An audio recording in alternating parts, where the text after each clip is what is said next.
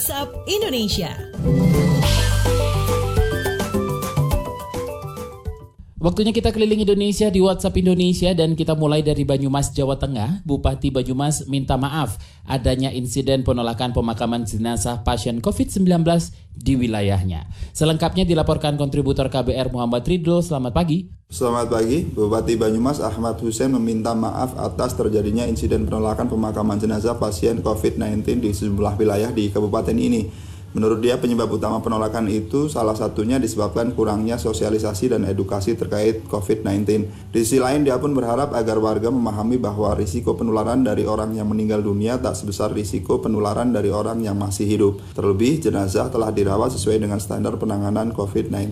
Ketua ID Cabang Banyumas yang juga Ketua 3 Ikatan Sarjana Nahdlatul Ulama Banyumas Nugroho Harbani menerangkan virus hanya bisa tumbuh dan berkembang di sel hidup. Selain itu pemakaman pasien COVID-19 juga sudah dengan SOP yang ketat, yakni jenazah didisinfektan, dibungkus plastik, kembali didisinfektan, dikafani, didisinfektan lagi, baru dimasukkan ke peti khusus dan didisinfektan lagi. Nugroho mengimbau agar warga tak cemas terhadap pemakaman pasien COVID-19, sebab jenazah yang sudah dirawat dan dimakamkan tersebut sudah tidak menularkan virus. Demikian saya Muhammad Ridho melaporkan untuk KBR.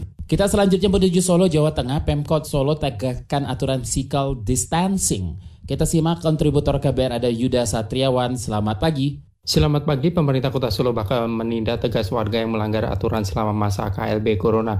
Juru bicara Satgas Penanganan COVID-19 Solo yang juga menjabat Sekda Pemkot Solo Ahyani mengatakan, Pemkot bekerja sama dengan polisi akan intensif melakukan patroli mengingatkan warga untuk menjaga jarak interaksi sosial dan melarang berkerumun. Untuk memutus mata rantai penyebaran virus corona, kata dia, juga dilakukan pembatasan jam operasional pusat perbelanjaan, penutupan sementara tempat hiburan, resepsi ataupun kegiatan pengumpulan massa, pesta, dan sebagainya. Selama masa KLB, aktivitas warga di Solo sangat sepi. Hanya tampak sejumlah warga yang tetap ke pasar untuk berbelanja. Sekolah, kampus, perkantoran, area publik lengang. Para siswa dan mahasiswa dialihkan ke proses pembelajaran online di rumah masing-masing.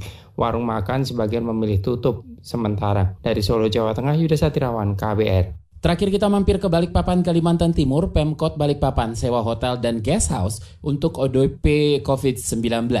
Selengkapnya kita simak kontributor KBR Teddy Rumengan. Selamat pagi. Selamat pagi, pemerintah Kota Balikpapan, Kalimantan Timur menyewa sejumlah hotel kelas melati dan fasilitas akomodasi penginapan guest house untuk merawat orang dalam pemantauan atau ODP COVID-19.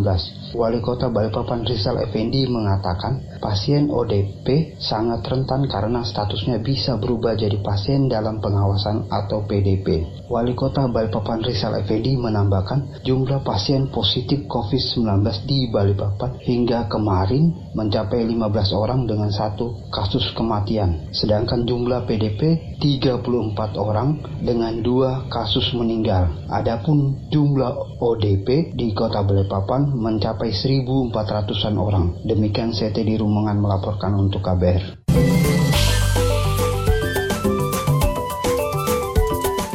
WhatsApp Indonesia.